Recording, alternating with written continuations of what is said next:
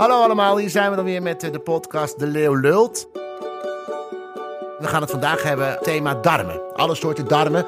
Eh, ik heb eh, aan bevolkingsonderzoek meegedaan. U denkt, ben je dan al ouder dan 55? Ja mensen, ik ben ouder dan 55. En elke twee jaar doe je dat. En nou, mijn bevolkingsonderzoek wees uit dat ik wat bloed in mijn ontlasting had. En ik heb dus zo'n coloscopie gedaan. Dat u zo'n hele cameraploeg komt dan naar binnen. En daar gaan we het over hebben. En ook over de uitslag. En we hebben Hans Kesting, die is onze co-luller, onze co-host. Die is natuurlijk niet alleen de beste acteur, maar ook een hele goede beste vriend van mij. En hij weet alles van mij en ook van mijn gezondheid. Want ik ben een beetje, nou, laat maar zeggen, hypochondrisch ingesteld. En dan kan, is, is Hans mijn medische vraagbaak. En praten met Henk Krol, want die is natuurlijk in de Tweede Kamer een enorm lastige darm geweest. En heeft zelf ook last van zijn darm gehad, zo'n eh, jaren geleden. En die komt ook hier langs als het goed is. Die kan elk moment komen. Ja, Hans moet ook nog binnenkomen, maar het wordt leuk. Mijn moeder wordt gevaccineerd, daar gaan we het over hebben. En we gaan het hebben over een eh, last post, over een eh, intense mailwisseling tussen Imca Marina, een eh, directrice van The Weeknd. En allemaal over mijn verschrikkelijke optreden in Op 1. Kortom, echt de moeite waard om te luisteren. En wil je reageren? Ga dan naar vriend van de show.nl slash Paul. Oh, de bel. Ik hoor de bel. Ik ga open doen en eh, we gaan even overschakelen naar mijn moeder. Want er was heel veel plezier de afgelopen weekend. Want mijn moeder werd voor de tweede keer gevaccineerd. En ik mocht mee, maar natuurlijk niet zonder iets te eten. Ik ben bij mijn moeder weer. Wat heb ik voor je gemaakt, man? Heerlijk vlees. Rendengvlees, geloof ik. Nee, niet rendeng. Oh, Het is uh, beef bourguignon. Oh, beef bourguignon. Het is Oh. Frans. Ik moet het nog even afmaken. Want Paul heeft het aangebraden en ik moet de finishing Ja, touch ik moet nog even door, eh, door eh, eh, Dus gaan we straks, want ik ga nou mijn tweede prik halen. Ja, de vaccinatieprik. Ja, Ja, heb je er zin in? Tuurlijk, ben ik helemaal, kan ik los. helemaal op dorp. Vorige, maar vorige keer had je, was je een beetje ziek. Ja, s'avonds een beetje. Maar daar heb ik nou geen last van. Wat waren dan die verschijnselen? Misselijk. Overgeven. Oh. Maar dat moet ik nou niet hebben, want ik heb zulk heerlijk vlees. Ja. Dus dat moet ik wel opeten vanavond. Maar het duurde maar een dag, toch? Nou, ik ben naar bed gegaan en was de andere dag over. Het was maar een klein verschijnseltje. En ga je dan gelijk naar de sauna als je voor de tweede keer gevaccineerd bent? Ja, maar die zijn niet open. Nee, dat zijn niet op. Die moeten we zelf openmaken. En zijn er meer vriendinnen van je leeftijd die ook al voor de tweede Nee, vaccinatie... ik ben de eerste. Hoe kan dat? Omdat ik de oudste ben. Ben je de oudste van al je vriendinnen? Ja. En die, die nog leeft, bedoel Die je? zitten nog leven, die nog leven. En Ik de ben- anderen mogen ook wel binnenkort? Ja, die hebben allemaal wel één prik gehad. Dus binnenkort, binnen 14 dagen, krijgen die ook de tweede prik. Maar ga je dan ook dichter bij elkaar zitten? Als je Tuurlijk, en gaan elkaar- we knuffelen. Een beetje, lesbisch, een beetje lesbisch doen. We hebben geen mannen meer. Nee, dat is We zo. moeten onze energie toch kwijt? Ja, ja. Ik moet heel lang wachten nog, hoor. Volgens mij pas in juni wij. Oh, zo laat. Ja, ik ben net geen 60. Nee, Er 50. is er niks aan te rommelen. Nee, man, er is niks aan te rommelen. Nou, jammer dan. Helaas. Dus je kan je zo goed. Ja. Rommelen. Rommelen. Nou, we gaan het vaccinatie... eh, Ja. We gaan eh, helemaal naar Rotterdam. Naar Ahoy. Nee, naar de... We moeten toen naar de... We moeten naar de airport. Oh, de airport Rotterdam. Daar gaan we even naartoe. Oké. En dan moeten we om één uur zijn, dus ik ga nu naar het toilet. Zoals oude dames Ja, dat dus, toen, ik, het- toen zet ik hem wel uit. Dat hoeven we Ja, niet te horen. nee, dat hoef je niet het te gekletter. Oké, dan gaan we... Nou, we- op naar de vo- volledige vrijheid, man. Ja, heerlijk. 89 en je kunt weer gewoon seks hebben met iedereen. En daar is die, Hans. Kom verder. Ja, Wat fijn dat je er bent, Hans. ja, hè, hè. Hè? Nou, zo. Ach, ja. Wir rufen Flipper, Flipper, gleich will er kommen. Jeder Ik vond het zo heerlijk om met Flipper te beginnen als ik jou zie. Je bent altijd mijn vrolijke dolfijntje als ik je... Zijn het de Leidse sleuteltjes? Nee, dit zijn de Duitse uh, sleutelkasten. Ik kon die nooit goed verstaan, de Leidse sleuteltjes. Dit zijn Duitse... Er zijn heel veel kinderliedjes aan me voorbij gegaan omdat ik de Leidse sleuteltjes niet kon verstaan. Ik versta het echt niet, ik hoor alleen maar... Dit, dit zijn de Duitse Leidse sleuteltjes. De Stuttgarter Party Kids. Oh. Zullen we even luisteren naar, Flipper? Er machen. Hoe gaat het, Hans? Goed, Ja, en ben je druk? Ik ben redelijk druk, ja. Wij doen eh, met ITA, waar ik werk, livestreams. En zondag hebben we weer een livestream van Oedipus. Die ben ik aan het voorbereiden. Hartstikke goed. Ja. En, eh, Is het nou echt in het Duits gezongen of niet? Ja, echt, hoor maar. Ik versta het niet. Dan moet je even luisteren. Benzin? Flipper, Flipper. Hier, weer roeft... We roepen Flipper. Weer roefen We flippen. roepen Flipper. Maar, maar waarom heb je het in Duits genomen dan? Nou, wat ik gewoon zin in. Ik heb nog meer Duitse Ze kunnen dingen. net zo goed weer roepen Hitler zingen. Ja. Wir rufen Hitler, Hitler, nee, ik, is hervragend. Nee, dat zijn allemaal andere dingen.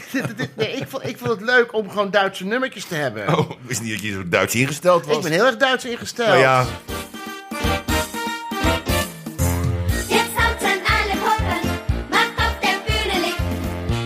Nou, volgens, volgens mij is van, zijn van dit kinderkoor alle tongetjes getrokken. Want ik, ik, ik hoor niet wat ze zingen.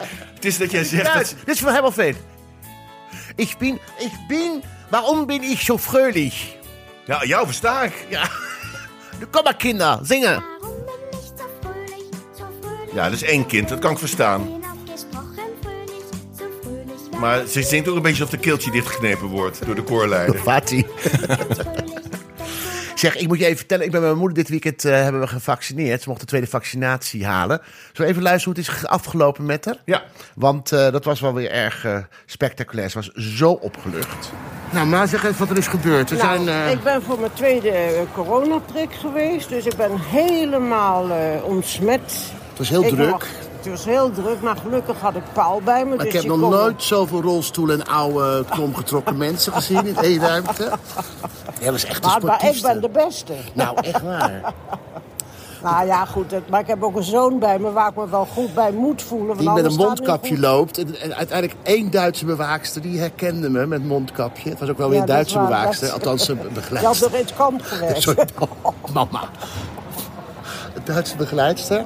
En toen werden we opgevangen door Willy. En toen uiteindelijk door een ander meisje. En toen kreeg je een hele lieve mevrouw aan de, die van de Ja, er was ook was een eh, verpleegkundige die had de A-opleiding gedaan. Dus dat was wel leuk om er even mee te praten.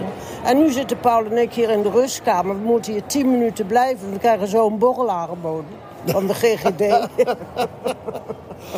Nee, en gaan- dan eh, nemen we die lekker in en dan gaan we naar huis. Dan krijg je zo meteen een korenwijtje. Met een top poes. Dan mogen we weg. Nou, wel fijn maar dat hij erin zit. Maar ik ben heel blij dat ik eh, klaar ben. Ik kan los. Ja, Zo gauw de horeca open is, ga ik er de hele dag zitten. 24 uur achter elkaar.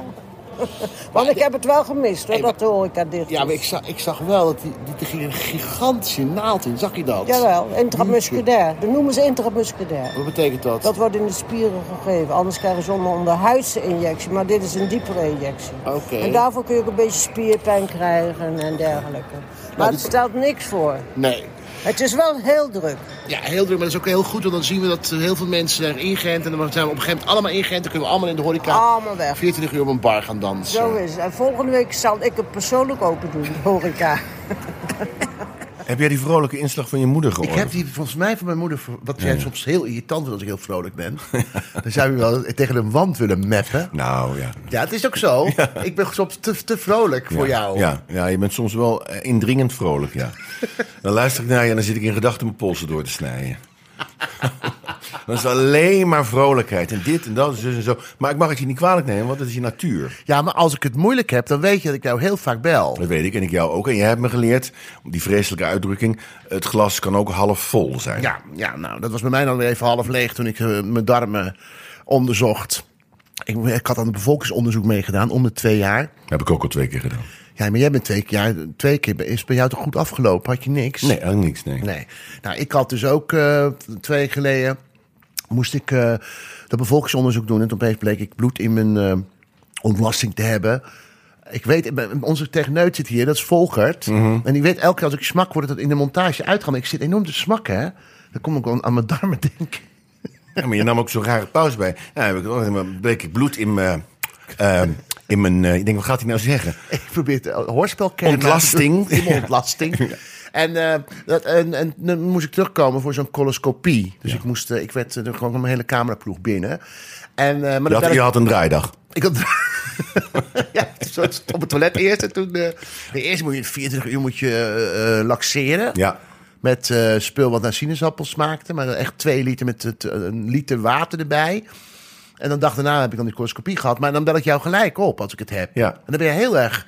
ehm, jij zei uiteindelijk, als het erin zit, is het goed dat je het weet. En dan kunnen ze er nog iets aan doen. Ja, absoluut, ja. Maar ik snap heel erg dat je, dat, je, dat je geschrokken was. Ik had hetzelfde natuurlijk. Als je bloed in je ontlasting hebt, dan kan dat ofwel komen door ja, een te hard persen... of een klein sneetje van het een of het ander. Niet waar, Volkert? Nee, nee, nee, baba, nee. Maar eh, het kan natuurlijk ook van verder binnenuit komen. Dat moet onderzocht worden. Dus, eh, dus, ik, maar ik, begin- dus ik deel die zorg en ik denk, ik ga niet van die zin... "Wauw, het zal wel meevallen. Het is gewoon vervelend. Maar, eh, en als het slecht nieuws mocht zijn, dan ben je er vroeg bij. Maar het was gelukkig goed nieuws. Ja, het was gelukkig goed nieuws. Ja. En het goede aan jou was dat ik daarna las ik een boek over de hofdame van prinses Margaret. Dat is een heel erg goed Ja. boek. Gaat over haar leven aan het hof met Margaret. Zelfs ook van, is zelf ook van de adelheid. En heel grappig. Het is ook een hele vervelende man die allemaal gekke dingen aankoopt. Een enorm eiland ergens in, eh, in de Zuidzee. Mystiek geloof ik heet het. Mystiek, ja. Mystiek. En uiteindelijk, maar ze zei dat ze met prinses Margaret in het vliegtuig zat. En prinses Margaret had nooit last van vliegangst. En toen zei de hofdame, hoe kan dat dan? Toen zei ze, omdat je er nu toch niks aan kan doen. Dus op een gegeven moment krijg je een enorm zengevoel van, nou ja, het zit nu eenmaal in je lichaam. En eh, dan kunnen ze maar beter het weghalen of iets aan doen, dan dat het blijft zitten in je lichaam. Ja. Dus dat is eigenlijk wat jij ook tegen mij zei. Nou, dus, eh, toen ik, ik was in, bleek in 1996 seropositief te zijn. En toen, eh, ik had me al een aantal jaren laten testen op, op, op, op HIV. En toen, maar het werd iedere keer banger om die test te laten doen. En toen eh, zei mijn huisarts tegen mij, hij zegt, je moet het nu laten doen, absoluut laten doen. Want nu kunnen we iets voor je betekenen. Er zijn nu experimentele medicijnen, dus doe het nu. Want als je niks doet, dan, dan, ja, dan, dan als het huis in brand staat, dan, dan brandt het af. Ja. Dus dat was ook een reden om toen, hoewel ik heel bang was, het toch door te zetten. Ja. Heb jij de serie It's a Sin al gezien van de BBC? Ja, die heb ik vorige week gezien, ja. Helemaal in één keer, ja. Vond je mooi? Afschuwelijk mooi, ja. Ja, we gaan er zo meteen over hebben, want Henk Krol Oh. komt zo meteen. Ja. En die heeft niet alleen last van zijn darmen ook gehad, maar die is ook natuurlijk in de homobeweging erg eh, succesvol geweest. En hij is toch zelf ook homo, geloof ik? Hmm, dat weet ik, ga ik aan hem vragen. Maar ik ben eerst even naar mijn eh darm-lever... ehm, Maag-darm-lever. Maag-darm-leverarts geweest, mevrouw eh eh Rosalie Malland. Laten we even lu- luisteren wat, wat zij mij te vertellen had over eh, het een en ander. Kom er maar in, Rosalie. ja, darm-lever, maag-specialisten. Maag-lever-darm-specialisten. Ja, MDL-arts. Ma- maag-darm-lever-specialisten. die mij vorige week. eh, dat ik. Colo, colo, colo, wat is nou? met- Coloscopie. Coloscopie. Dan gaat de hele. En dan onderzoek. Ja, het darmonderzoek. De kamer gaat de darm in. En. ehm nou, godzijdank eh, was het, eh, het onderzoek is goed afgelopen. Totaal geen polyp eh, te, bevinden, te, te, te bekennen. Zie je het dan gelijk? Want je, je gaat naar binnen. Dan ga je eerst helemaal naar het bovenste topje van de darm. Ja, dat klopt. Ja, Ehm, en dat doen we eigenlijk de hele weg. Is in beginsel het vervelendste voor de mensen. Omdat ehm, je wat lucht moet blazen om hoger op te komen eh, met de slang. En dan trek je af en toe een beetje aan de bochten van het ophangingsysteem van de darm. En dat is vervelend. Dus daarom proberen we altijd zo snel als gaat eh, op het diepste punt te komen. Dan zie je natuurlijk wel dingen voorbij komen, maar daar ga je niet zoveel aandacht aan besteden. Tot je op het diepste punt ligt. En dan, Waar- ga waar je, ben je dan precies? Dan ben je op de overgang tussen de dunne en de dikke darm. Dus dan zie je de klep die tussen de dunne en de dikke darm zit. En op het allerverste punt zie je de opening van waar de dunne darm zit. Dan ga je beginnen. Ja. Dan gaat de camera aan, zoals wij dan eh 3, 2, 1.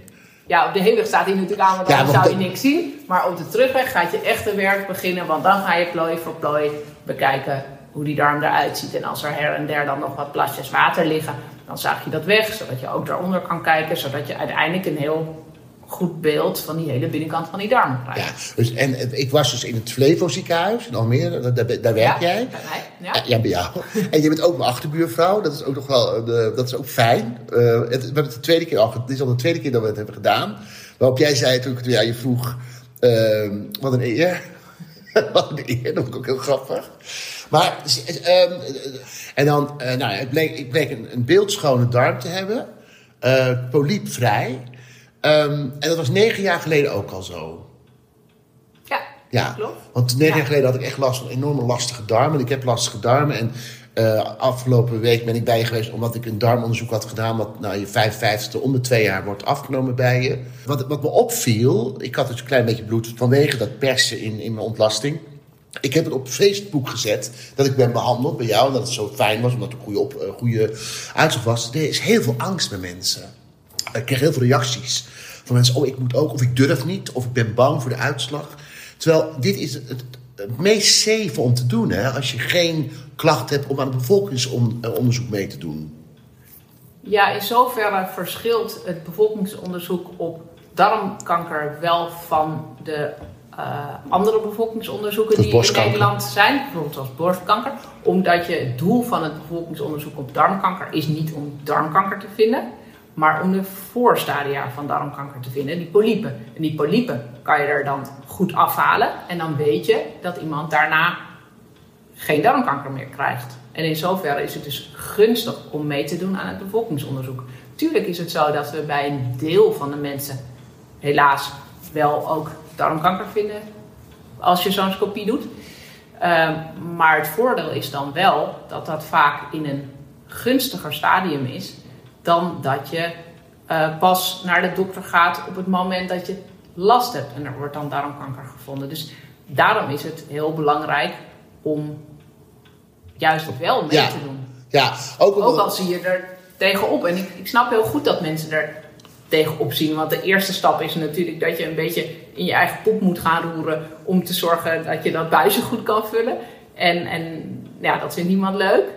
Eh, Dan moet je poep op de post doen. Dat is ook een, ook Ja. een rare gewaarwording. dan zit je te wachten tot je de uitslag krijgt. Ja, en dan, ja. Ja, en als het dan niet goed is, eh, dan zijn mensen natuurlijk ook vervolgens eh, weer bezorgd totdat ze aan ja. eh, de beurt zijn. Ik heb nog één vraag over de hele darmpoliep.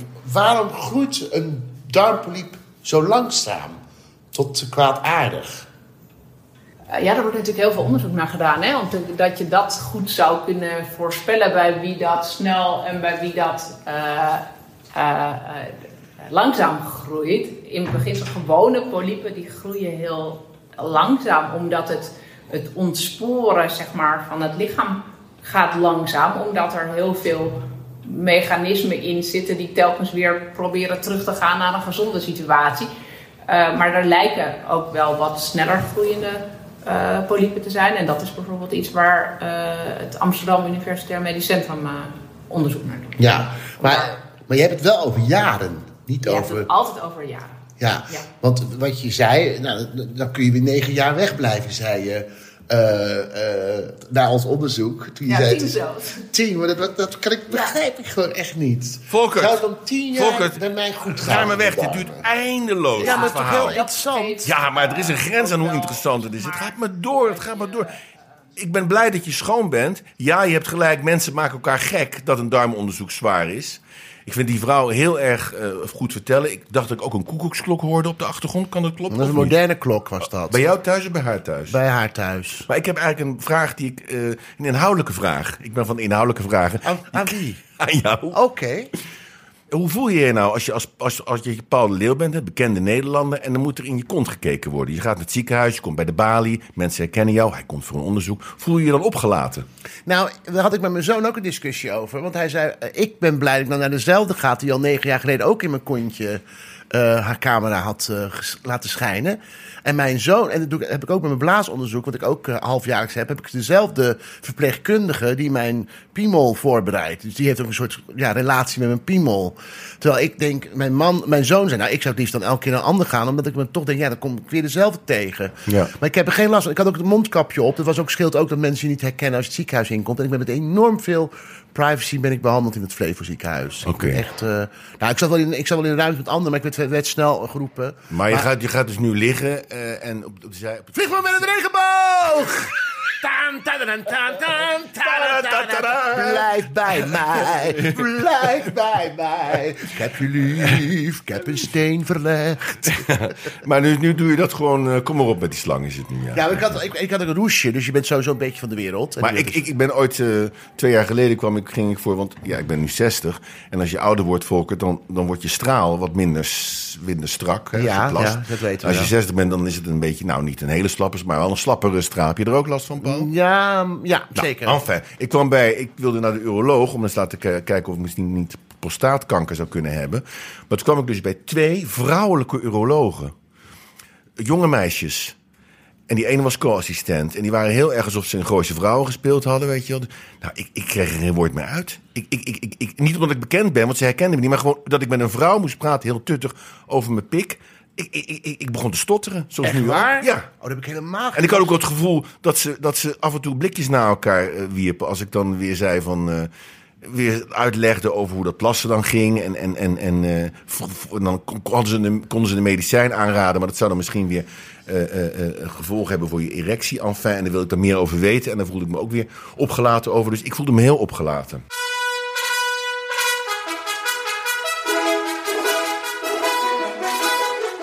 Is hij al, Henk Krol. Henk, Krol, goedemorgen. Henk, welkom. Dit is de microfoon. eh, dit is Hans Kesting. Ja, die kennen we. Ja, we kennen elkaar van eh, Ranking the Stars natuurlijk. Onder andere denk ik Ach, Stars, mensen, populaire- Ook over inhoud gesproken, inhoudelijk programma. Zeer. Henk, wat fijn dat je er bent. En dat in deze drukke tijd. Ja, zeker. Ik ren van het een naar het ander. Waar moet je zo meteen naartoe als je hier klaar bent? Ehm, naar Den Haag toe weer terug. oh, je bent niet aan het campagne Ja, volop. Oké.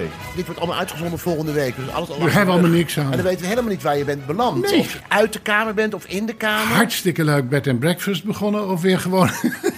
Je hebt toch ook twee Deense doggen? Of nee, Nee, nee, twee ik heb- Rottweilers? Nee, oh, nee, nee, nee, ik heb wel een hele grote hond. Rembrandtje. Ja? En dat is een eh, dobberman. Oh, Dobbelman Pinsje, ja, dat kon niet opkomen. Ja. Dobbelman En Pinsje. je hebt ook darmkanker gehad. Zeg, oh, maar weer eens. Ja, we gaan gelijk de diepte in. Ja, We vallen met de achterdeur naar huis. zeker. Ik vind, zeker. ik vind hondjes en darmkanker bijna hetzelfde. Maar wij hebben een aflevering over darmen. Alle soorten Ja. darmen. En ik moest gelijk aan jou denken. Want jij was een van de eerste. Hoe lang geleden is dat jij darmkanker hebt gehad? Ik denk nu 14 jaar geleden. 14 jaar geleden. En was het naar aanleiding van een bevolkingsonderzoek of voelde je nattigheid? Nee, ik had een eh, gesprek met eh, eh, een, een journalist die ik goed kende. En dan vraag je als je elkaar na een tijd tegenkomt, hoe gaat het met je? En toen zei hij, "Mwah, naar omstandigheden wel. En dat is niet het antwoord wat je verwacht. Dus ik hoezo, wat is er aan de hand dan? Ja, zei hij, bij mij is darmkanker geconstateerd. Ik zei, oh. En toen kwam je daar dan achter. Hij zei, nou, ik voelde me wat moe. En ik keek af en toe naar mijn ontlasting en ik zag dat daar misschien een beetje een spotje bloed bij zat. En toen kreeg ik het ineens heel erg warm, want toen dacht ik, Dat heb ik ook. dat heb ik ook. Ik ben ook wel eens moe, maar ik werk ook hard. Dan kan je ook wel eens moe zijn. Maar had je ook wel eens bloed in je ontlasting? Ja, een beetje. Niet, niet echt. En wat is nou moe zijn in het geval van als je darmkanker hebt? Kan je het uitleggen? Want dat wordt vaak gezegd als je... Een je- beetje slepende moeheid, een onverklaarbare moeheid. Niet, niet echt. En blijft dat dan op, ook op, eh, op, op momenten dat ik niet verwacht? Ja, een beetje. Het gekke is, dat we- ken jij ook wel, Paul. Wij, wij zijn natuurlijk niet eh 9 tot 5 mensen. Nee. Wij, wij Hans maken ook toch niet. iets andere, andere uren. Ben jij 9 tot 5 met volk ook? Kijk even naar tegen nee, oh, al bij. Hij is veel jonger dan wij. Je bent 28 of zo, hè? 46, 30, Ja. 14. Ja? Dus ja, de- de- ik was daar niet zo mee bezig. En toen dacht ik, maar ik ga toch maar even langs de huisarts. En de huisarts zei ook meteen heel geruststellend van... nou, zal wel meevallen, maar voor de zekerheid zal ik je even doorverwijzen naar het ziekenhuis toe. Nou, dan ga je naar het ziekenhuis toe, eh, een paar dagen daarna. En dan krijg je coloscopie. En toen zei de specialist, eh, wilt u meekijken? Ja. Nou ja, hoe zijn wij, als we, als we op een scherm komen, Zo, willen we meekijken. Zeker, zeker. Dus er begint iemand vreselijk te hinniken hierachter. Ja. Dat is de huishoudster. ik weet niet wat ze hier doet, maar ik dacht dat ze ja, ook ging werken. Maar ze zit gewoon de koffie te drinken. Ja. Dus ik zei, laat mij maar meekijken. En, en eh, ja, dan komen ze met het Je had geen douche. Nee, dat wou ik niet. Want ik Zo? wou, nee, ik wou, het- ik wou, het- ik wou Dat is meemaken. straf. Ja. En toen kwamen ze met het cameraatje binnen. En toen zag ik een bloemkolenveldje. En wat ik ook nooit vergeet... Alsjeblieft. Henk. Ja, daar leek het echt op. En ik, en ik weet nog dat op dat moment is het woord darmkanker niet eens gevallen. Maar de specialist keek mij aan en ik keek de specialist aan. En toen zei ik tegen hem, wat gaan we hier aan doen? En toen zei hij, that's the right spirit. Zo gaan we ermee Maar- verder. Maar wacht even, ik Ja. wacht even eerst. Maar de, de camera was, de draaidag was amper begonnen. De camera was net binnen. Ja, ja, ja, en toen ja. zag je de bloemkolen. Oké, Ja, meteen al. Ja, het was ook echt bij mij echt helemaal aan ja, het uiteinde, zal ik maar Maar zeggen. zijn ze nog wel verder gegaan, helemaal naar boven? Ja, ja, ja. ja, ja Kwamen ze dan nog meer groenten? Nee, nee, gelukkig niet. Het zat in de, eh, kankergezwel. En die zat echt heel dicht tegen de uitgang. En dat geeft dan ook een heleboel last. Want de specialist zei, ja... A, weten we niet of het door de darmwand heen is. Ehm, Maar wisten ze meteen dat het kwaadaardig was dan? ja, Zo'n dat- poliep moet, echt- nee, worden? Dat moet ook en dat is ook gebeurd. En daarna was het antwoord ook dat het dat was. Maar aan de vorm... eh, Oh. Ik bedoel, mijn, mijn zus is ook eh, eh, medisch specialist. Dus ja, ik had er thuis wel eens wat van meegekregen. Mhm. Toen ik dat zag, was er voor mij geen twijfel mogelijk. En had ik zoiets van, dit is eh, niet goed. Nou ja, dan krijg je dat hele vervelende dat je eh te horen krijgt. het zit erg op het eind, dus ja, we kunnen niet anders dan wanneer het geopereerd is... dat u een stoma krijgt. Nou, dat is echt eh Ja. Bloemkolen! verschrikkelijk vervelend. No, God! No, God, please, no! No! Nee, dat is, No! Dat vond ik echt het Ja. ergste in die hele periode. Dat je ja, met zo'n met zo'n ding rondloopt. En ik zou tegen mensen willen zeggen: jongens, in die tijd moest ik af en toe eh, mijn stoma eh, verschonen. En dan, eh, ja, op een gewoon. Als je naar het theater toe gaat. Dan ga je toch niet naar een gewoon toilet toe Nee. om daar je stoma te gaan zitten verschonen? Absoluut niet. Dus dan ging ik heel vaak naar een invalide toilet toe. Want dan heb je tenminste de ruimte. Dan kun je het allemaal netjes schoonmaken. En dan kwam je naar buiten toe en dan waren er soms mensen in een rolstoeltje heel onverdraagzaam. Die zeiden, dit is een invalide toilet hoor. En dan denk ik, jongens, moet ik nou mijn broek naar beneden doen om aan te tonen dat ik hier ook Nee, zo maar- is? Ja. Nou, daar hebben we scheid aan. Ja. Absoluut. Je had kunnen zeggen, ik ben een beetje invalide, want ik heb een stoma, mevrouw, meneer. ja, nou dat zei ik En daar heb ik ruimte voor nodig om dat te verversen. Ja, maar ja, dat mensen zo onverdraagzaam zijn. Dat Ja, maar dat is Nederland. Ja, zo heel Nederland erg. is onverdraagzamer Ja. geworden. Ja. Nooit meer lubbers. Nooit meer. Nee, maar met een ja. stoma heb je toch echt wel. Dan moet je, dan moet, dat moet gewoon, gewoon vervest worden. Daar moet je gewoon ruimte voor hebben. Zeker. Ja, ik kan nog wel Lubbers, ruimte. Stop, stop, stop! Henk, we gaan zo met je verder praten. Goed We zo. Even 14 jaar geleden had je de eerste coloscopie. Had jij een Ja. coloscopie. Daarna ben je steeds onderzocht. Elk half jaar, elke twee Ja, jaar. in het begin eh, gaat het heel vaak en dat wordt dan langzaam maar zeker wordt het, eh, met grotere afstand. Ja. En eh, nou ja, Je bent geopereerd. ja, behoorlijk. Is weggehaald. weggehaald. Het is ook weggehaald. Ja. En het is weer aan elkaar gezet. Toen heb ik negen maanden heb ik een, eh ja, Stoma. stoma gehad. Stoma gehad, Ja. ja. Daarna eh, werd het teruggebracht. Maar er werd wel tegen mij gezegd van... jongens, denk erom. Het zit zo dicht bij de uitgang... dat we kunnen je nooit van zijn leven meer garanderen... dat het 100% goed komt. En ik moet je zeggen, ik ben er heel tevreden mee zoals het gegaan is. Want ik ben dus mijn stoma kwijt. Maar het zit zo dicht op, op de uitgang, zou ik maar zeggen...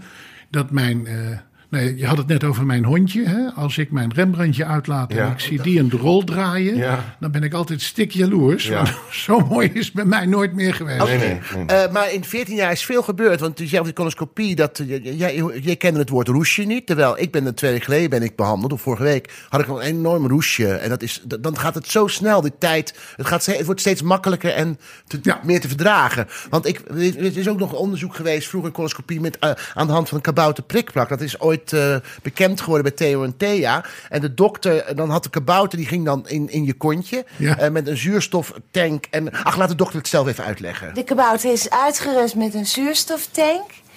Heeft een eh, videocamera bij zich, zodat we het straks allemaal op de monitor kunnen volgen. En eh, een veldtelefoon, zodat we met elkaar kunnen communiceren. Nou, dan gaat hij eerst eventjes de anus een beetje aftasten. Voelt u dat? Hij stopt zijn handje erin. Ja, een beetje. Goed. En dan gaat hij nu proberen zijn mutsje erin te doen. Moet er niet wat vaseline op je mutsje? Hij maakt het nat met spuug. Goed. Daar gaat hij. Voelt u het? Een beetje, ja. Het is een beetje koud. Ah, Auw, nu Rustig maar. scherps. Ja, dat is de veldtelefoon. Rustig door blijven ademen. Zijn ze toch ver met die eh, telecommunicatie? Ja. dokter? Eh, Rustig blijven doorademen. Niet knijpen, meneer Struikenbos. U moet ontspannen.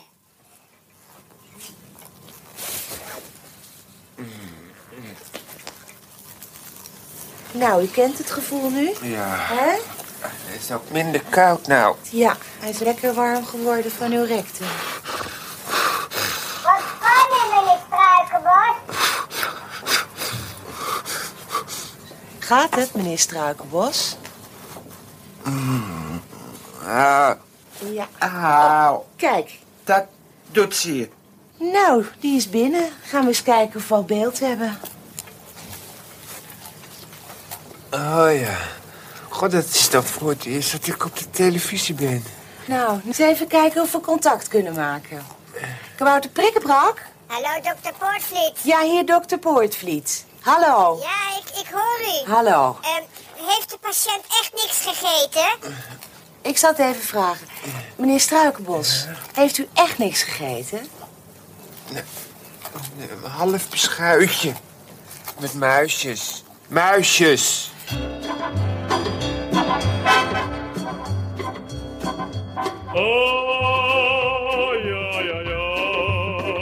Als je, als je wil reageren, kan het. Je kunt, eh, naar de, je kunt het inspreken. Dan moet je naar vriend van de show slash paal gaan. Vriendvandeshow.nl slash paal. Dan kun je iets eh, achterlaten als je een eh, vraag hebt die we niet kunnen beantwoorden. Omdat we dan al hier weg zijn als je hebt ingesproken. Maar wel leuk als je het wil laten horen over de show. Ga naar vriendvandeshow.nl slash Paul. Henk Krol in de, in, de, in de house. En natuurlijk Hans Kersting voor de mensen thuis. We zitten in Amsterdam, dus je hoort misschien wat heigeluiden en wat algemene geluiden op de telefoon die voor zoveel keer valt. Maar het is zijn aan de mensen om ons heen die bezig zijn. Ik doe even een kletspotje. Ja, we hebben ook de kletspotje. Het zijn vragen, die moet je gewoon stellen. Ja, moet je pakken eentje.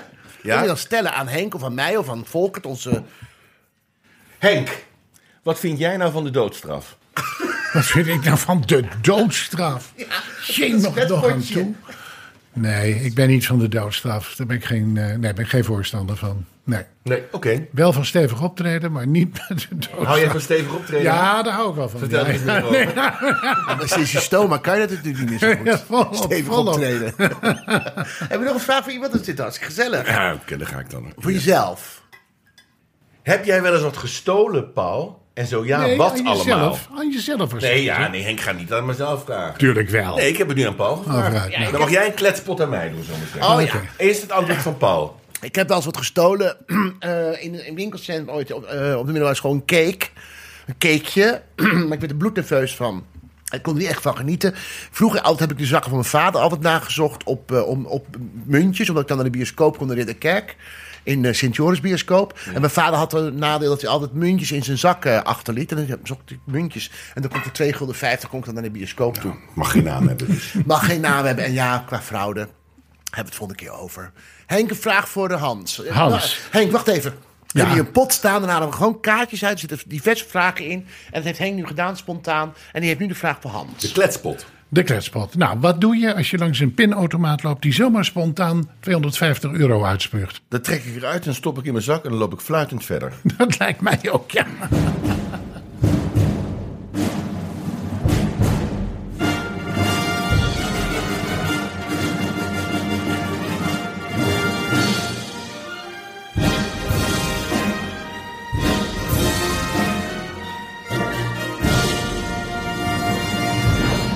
Henk, we kunnen wel stellen dat je een geweldige kamer, eh, kamer, eh, carrière op je, eh, achter de rug hebt.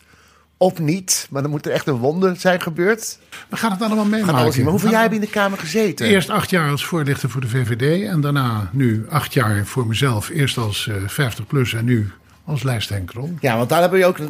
Je kan de afgelopen jaar wel stellen dat je een beetje een lastige darm in de Kamer bent geweest. Ja. Veel partijen eh, weggegaan, eh, verlaten, teleurgesteld, soms boos. eh, en nu ben je eigenlijk de lijst Henk Krol. Heb je dan gerund. Ja, de eerlijkheid gebiedt mij te zeggen dat, dat er de afgelopen acht jaar met mij weinig veranderd is. Nee, Maar, dat, dat weten we. Maar, maar met- het probleem was dat ja, die partij was opgezet door iemand die nog echt dacht in de jaren 60 mentaliteit. Met heel veel afdelingen. En tegenwoordig een partij moet je echt rechtstreeks de democratie geven. Moet je de leden rechtstreeks laten meepraten. En als dat gaat via tig afdelingen die allemaal met elkaar in de clinch liggen. Ik was echt meer tijd kwijt om ruzies te beslechten dan met mijn politieke werk. En nou ja, je kent mij wat langer dan vandaag. Ik ben oprecht geen ruziezoeker. Dat Nee. wil ik rustig van mezelf zeggen. Maar als je daar zoveel tijd mee bezig bent, dan moet je op een gegeven moment zeggen tot hier en niet verder. Nou, toen ging ik weg. Kreeg ik de tip om met een andere meneer te gaan samenwerken. Dat was een domme fout van mij. Dat had ik nooit moeten doen. Meneer Otte, Ja, dat hadden we nooit moeten doen. Dat was maar je zou bijna vergeten, Henk, dat al die jaren die je in de Kamer hebt gezeten, dat je enorm veel hebt betekend voor de homobeweging. En waarom ik dat zeg, want kijk, het zou lullig zijn als je uiteindelijk de Kamer uitgaat en denkt, ja, Henk Krol had de laatste jaren ruzie, niet met zichzelf, maar met anderen, is uiteindelijk, ja, jammer, teleurgesteld, op de, heeft hij de Kamer verlaten. Maar je zou bijna vergeten hoe belangrijk je bent geweest voor de homobeweging. Wij hebben er wel eens gekscherend over dat als wij, zoals, dat jij me wel eens benoemd dat ik de Bob Angelo penning ooit heb gewonnen. Hans wilde me daar graag aan refereren. Weet je eigenlijk wel wie Bob Angelo was? Iemand die veel heeft betekend voor de homo. en een hele goede lasagne kon maken.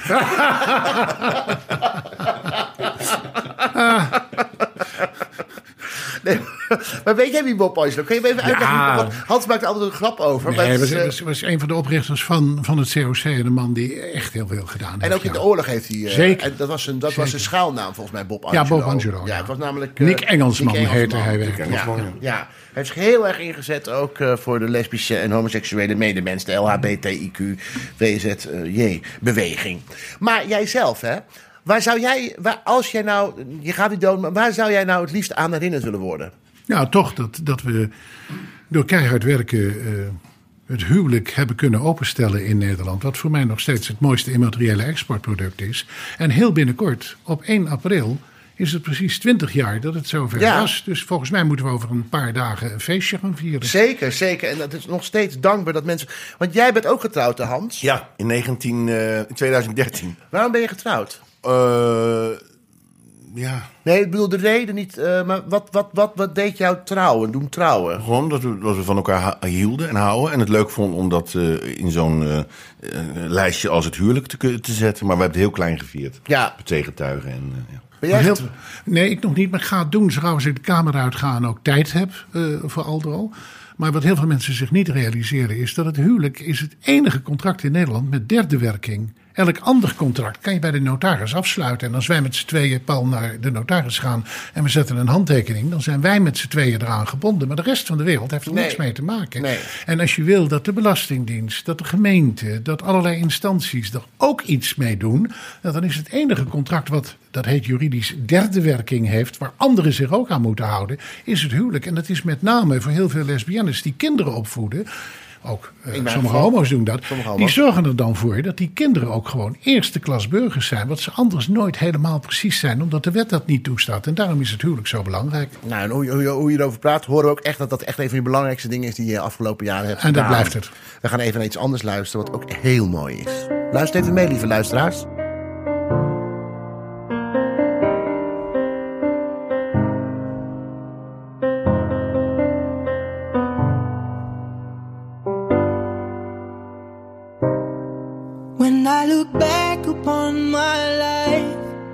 It's always with a sense of shame. I've always been the one to blame.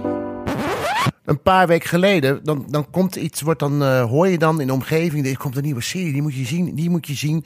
De serie It's a Sin. Heb jij hem al gezien, Henk? Nee. Heb je al wel over gehoord? Eigenlijk niet, nee. De afgelopen dagen heb ik zo bezig geweest met de campagne... dat ik een heleboel gewone mensen dingen... Maar ik wil je te graag, ik wil je te graag vertellen, omdat namelijk het is, jij hebt hem wel gezien, Hans. Vorige week, Hopelijk. ja.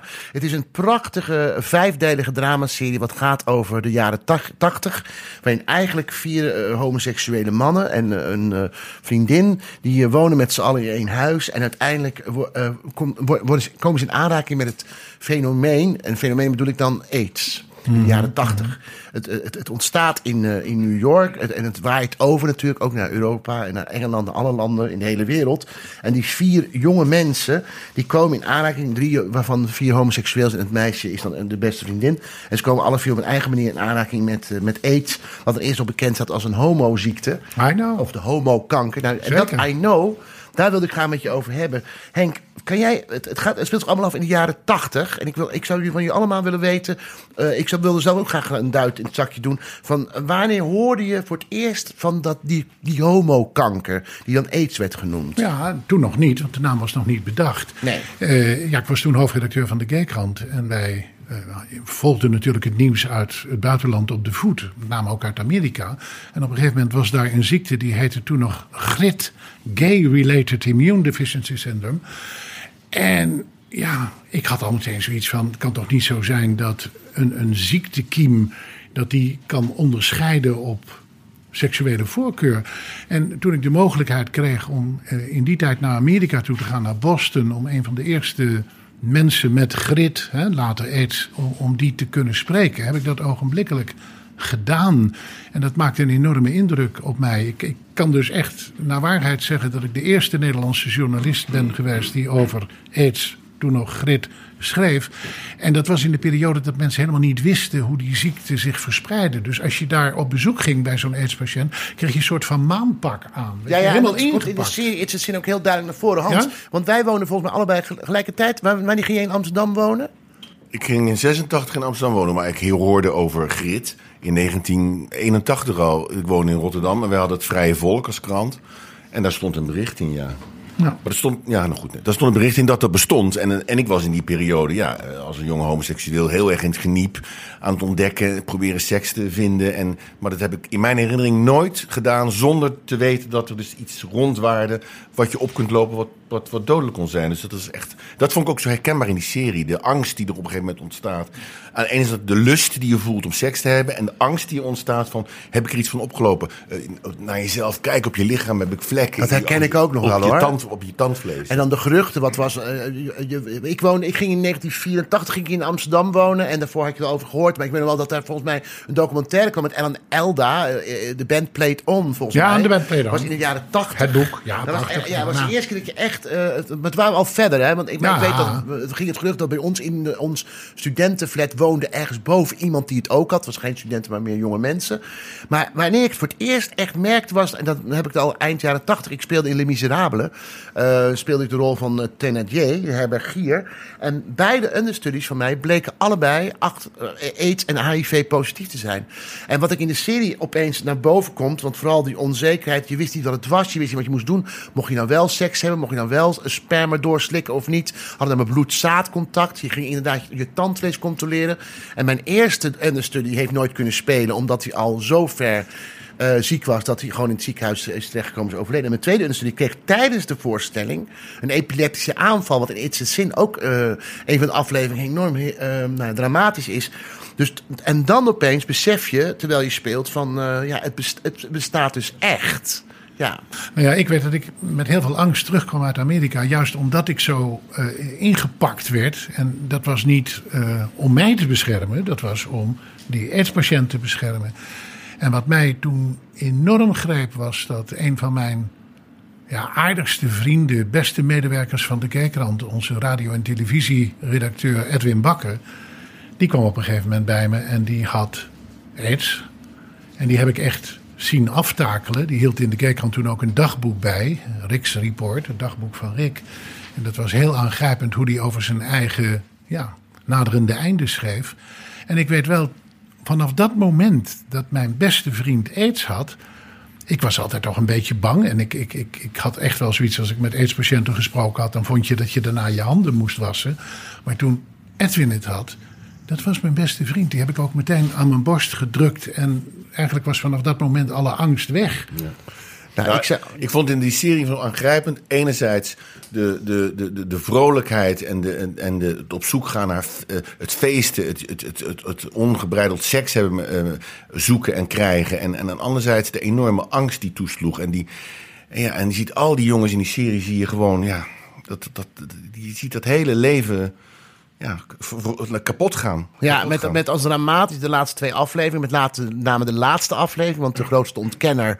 ehm, nou, als je de serie ziet, eh, dan zal ik niet zeggen wie het is. Maar die had dus inderdaad, die ontkende het. En er komt een gig- prachtig dramatische scène van een van de mensen. Zegt, ja, mensen ontkennen het ook uit schaamte. Omdat ze in een omgeving zijn opgegroeid waar je moest schamen dat je homoseksueel bent. Waardoor je ook schaamt dat je daar misschien een ziekte aan overhoudt. Dat je ook schaamt om je te, eh, te laten testen. En ehm, nou ja, je- ik hoop dat je over een paar dagen wat meer tijd hebt om deze prachtige serie te bekijken. Want het is Dat echt zeker doen. en Nou, ook dat is om- zo mooi wat hij zegt aan het einde dan. Dat je, dat, je, dat, hij, dat, we, dat je nooit moet vergeten hoeveel lol we hebben gehad. Nou, dat was dat fantastisch. was zo'n ontroerende zin. Ja. Iedereen, ik zeg het nou heel lelijk, want hij gebruikt niet het woord focus. Maar heeft het over ja, het einde, de dood. Dit, maar laten we niet vergeten hoeveel lol we hebben gehad. Hoeveel plezier we hebben gehad. Ja. Hoe we hebben gelachen, hoe we hebben geguild. En dat Hoe mooi hij- het was. En dat zegt hij tegen zijn moeder, die Ja. heel traditioneel is en ook ontkent dat hij homo is en dat hij ziekte heeft. En dan zegt hij tegen haar: Ja, ik heb zoveel jongens.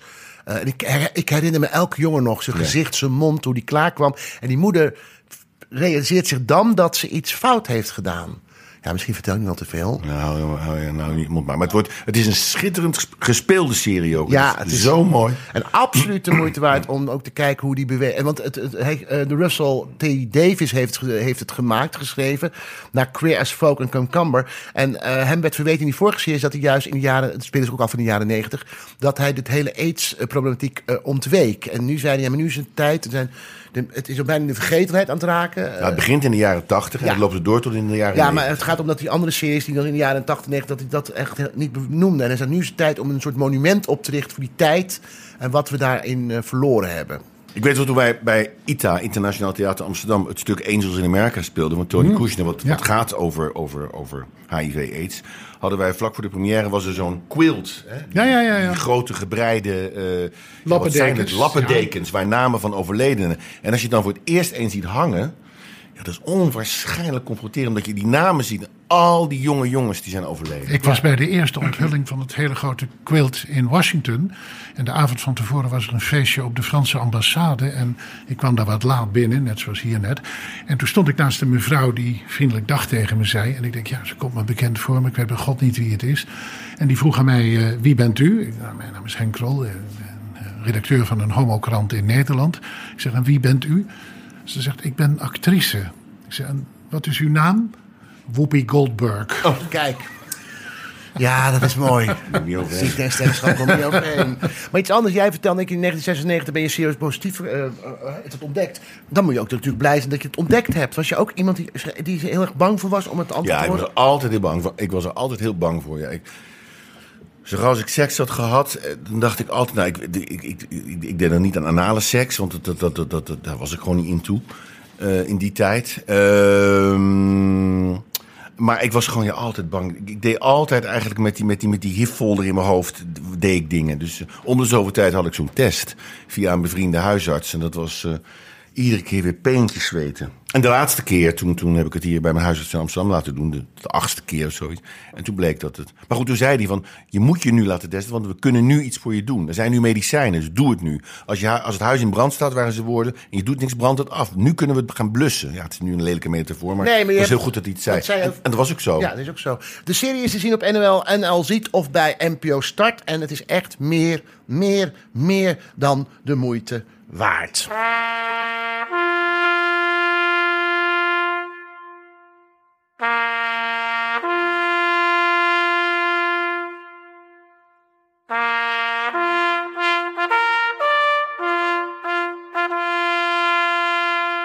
En we gaan het hebben over de post.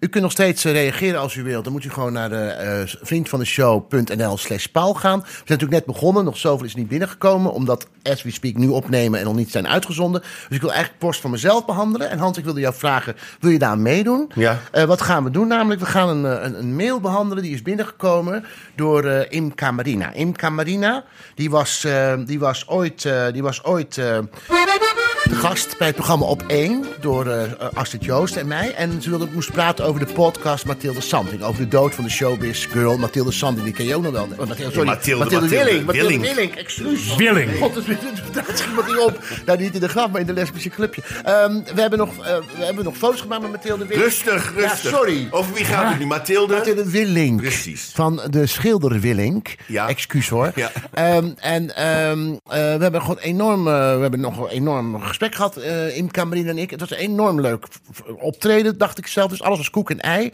En opeens kreeg ik, eh, kreeg ik deze mail. Lieve Paul van Imka.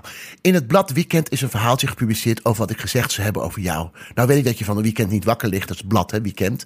Maar ik laat niet na jou de correspondentie te tonen, waardoor je ook kunt zien dat de headline een hele andere indruk geeft dan wat er inhoudelijk in het artikel staat. Het was ondanks tijdgebrek fijn om bij jou te zijn en de uitzending met Marco Bakker een week later was top. Ik hoop dat ik net als vroeger nog een keer een liedje met je mag zingen. Gewoon een liedje uit mijn repertoire. Je bent een kanjer.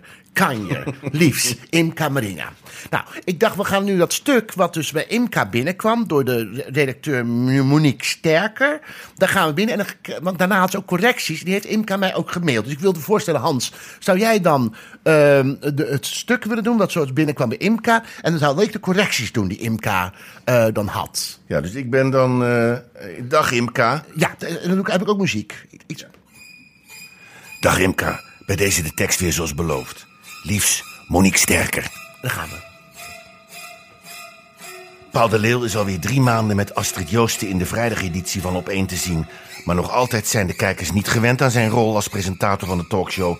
Zo wordt er onvrede geuit over zijn houding. Zou hij slecht voorbereid zijn en onvoldoende luisteren. Ook zou hij stomzinnige vragen stellen. Allereerst inleiding, Paul, dit is Imka. Tot en met de zin ook zou hij stomzinnige vragen stellen, is jullie inleiding en niet wat ik gezegd heb. Dit is jullie insteek, Monique, voor dit artikel waarin je mij verder gaat interviewen. Dit moet heel duidelijk zijn voor de lezer. Afge- afge- afge- afge- afgelopen week was Imka Marina samen met René Mioch bij Paul en Astrid te gast... om te praten over de podcastserie Mathilde's Mystery. Over het leven van en de dood van de bekende society diva... nu niet Mathilde Santing zeggen, Mathilde Willink. Het was aardig om bij je om op één te zijn. Het was aardig om bij op één te zijn. Maar je komt gewoon niet aan het woord. Ik had zo te doen met René Mioch. Hij was midden in een zin toen Paul riep: Code Oranje! Hij is een schat van een man, maar Paul is niet zo geschikt voor dit soort programma's. Het ligt hem niet.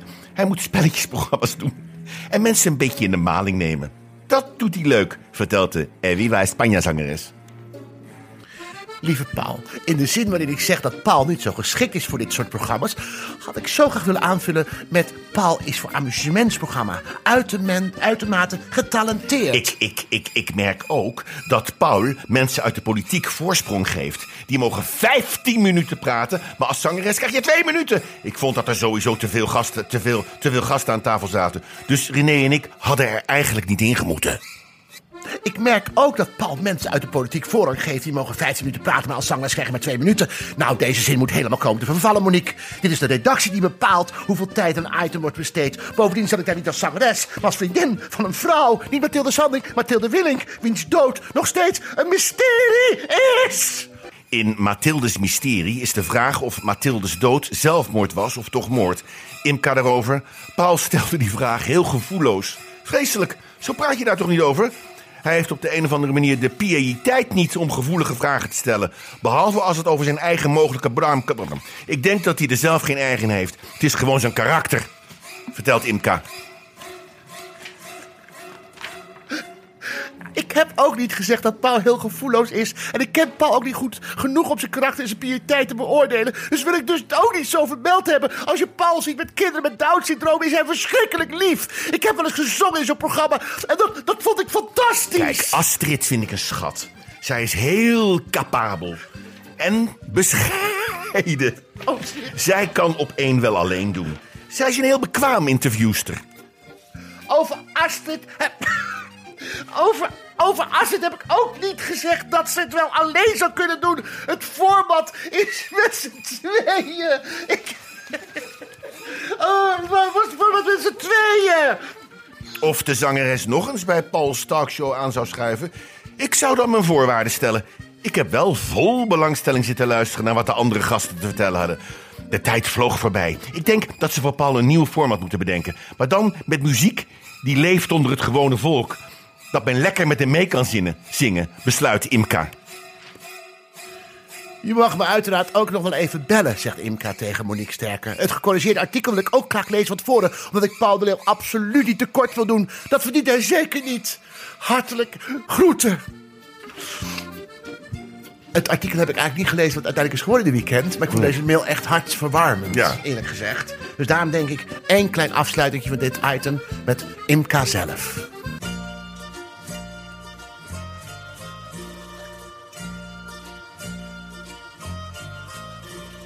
Mijn leven is een story. Mijn leven is een story, zingt Story. Het is de weekend. Het is een weekend. Sorry. Nou ja. Maar op. Wat moet ik je vertellen? Ja, leugens. Want als ik nog zo nuchter ben, dan gaat het niet. Ja, precies. Geef jij me Voor de gein, nog maar een gein, glaasje rode wijn. Toch blijf ik altijd een lady. Een lady, een lady, een lady. En dat is de beste lady. En we zijn weer toegekomen aan het slot, de finale van deze uitzending. Het MeToo'tje. We gaan bellen met de man die alles weet van darmen en van worsten, Samuel Levy. We gaan nu met hem bellen. En Samuel Levy is van Levy en Brand. Ja, Vertel jij eens even hoe goed jouw worsten zijn samen die je met eh, Brand maakt. Nee, kijk, we, maken onze droge worst. En wat we anders doen dan de meeste Nederlandse worstmakers, eh, is dat we echt langzaam fermenteren. Dus we zijn ooit naar Italië geweest en hebben daar eh, van een aantal van de beste worstmakers van Italië het worstmaken geleerd. Ehm, en wat in Italië, wat ze daar doen, is dat ze een worst echt nou, ruim een maand eh, laten drogen. Eerst fermenteren en daarna drogen. En in Nederland hebben we eigenlijk veel meer de worstcultuur eh, van het roken en het snel drogen. Dus dan is in een week zo'n worst gemaakt, maar dan ontwikkelt zich veel minder smaak. Dus dat is eigenlijk wat onze worst anders maakt dan de gemiddelde worst die mensen kunnen kopen in de winkel. Ja, en nou, nou vertelde jij ook eh, tegen ons dat, eh, dat jij denkt dat in een darm van een varken gaat een hele varken in qua vlees. Hoe weet je dat? Ja, dat is. Ja, we hebben het nooit echt op die manier geprobeerd. Maar dat, ja, de, de handboeken en de slagers die zeggen dat altijd. Dus een, eh, een varken past in zijn eigen darm. Eh, en dat klinkt vrij onwaarschijnlijk. Maar als je dan kijkt hoe lang zo'n varkensdarm is. Dan, eh, ja, dan zou je dat toch ook wel weer gaan geloven. Want dat, dat zijn echt gigantisch lange dingen. En zou het ook opgaan voor de mens? Dat wij misschien als heel mens in een mensendarm kunnen, Samuel? Ja, ik zou zeggen dat we daar eigenlijk dan toch echt een, een arts moeten, moeten gaan vragen. Want zoveel weet ik dat niet. Maar het is wel, ik kan me echt voorstellen dat dat wel, dat dat wel het geval zou zijn. Want eigenlijk is de, eh, ja, de fysieke bouw van een varken en van een mens is niet zo heel anders. Ehm, dus ja, ik kan, ik kan me wel voorstellen dat het kan, ja. Nou, dat is een prachtig einde van deze show. Maar Bedankt. En gefeliciteerd met je tienjarig bestaan, Samuel. Ja, laten we het niet gaan proberen trouwens. Nee, dat de doet- luisteraars nu denken van dit, dit moeten we eigenlijk Nee, proberen. ik, ik ben al begonnen met Henk Krol. Henk, kom op, kom op, kom op. Henk, maar Het is ik- heel even bijzonder. meewerken. Kom op, Henk. Heel bijzonder, want hij gaat namelijk in de darm. Ja, ongelooflijk. Wij gaan eh, stoppen. Dankjewel Samuel voor het bellen. En eh, we spreken elkaar. Hey, fijn- fijne dag, Paul. Hoi. fijne vakantie. Hoi. Ja, we zijn aan het einde gekomen van het programma. Hans, bedankt voor je komst. Henk, bedankt voor je komst. Graag gekomen. En eh, fijn dat je hem al geluisterd hebben. En als je wil reageren, nogmaals, ga naar de vriendvandeshow.nl slash paal. Volker, bedankt voor je technische aanwezigheid. Graag gedaan. Heb een hele fijne dag en tot de volgende. De Leeuw Lult podcast. You know never where. Wil je nog één kapot? eh? Nee, ik denk het niet. We zijn net te laat. Thank you.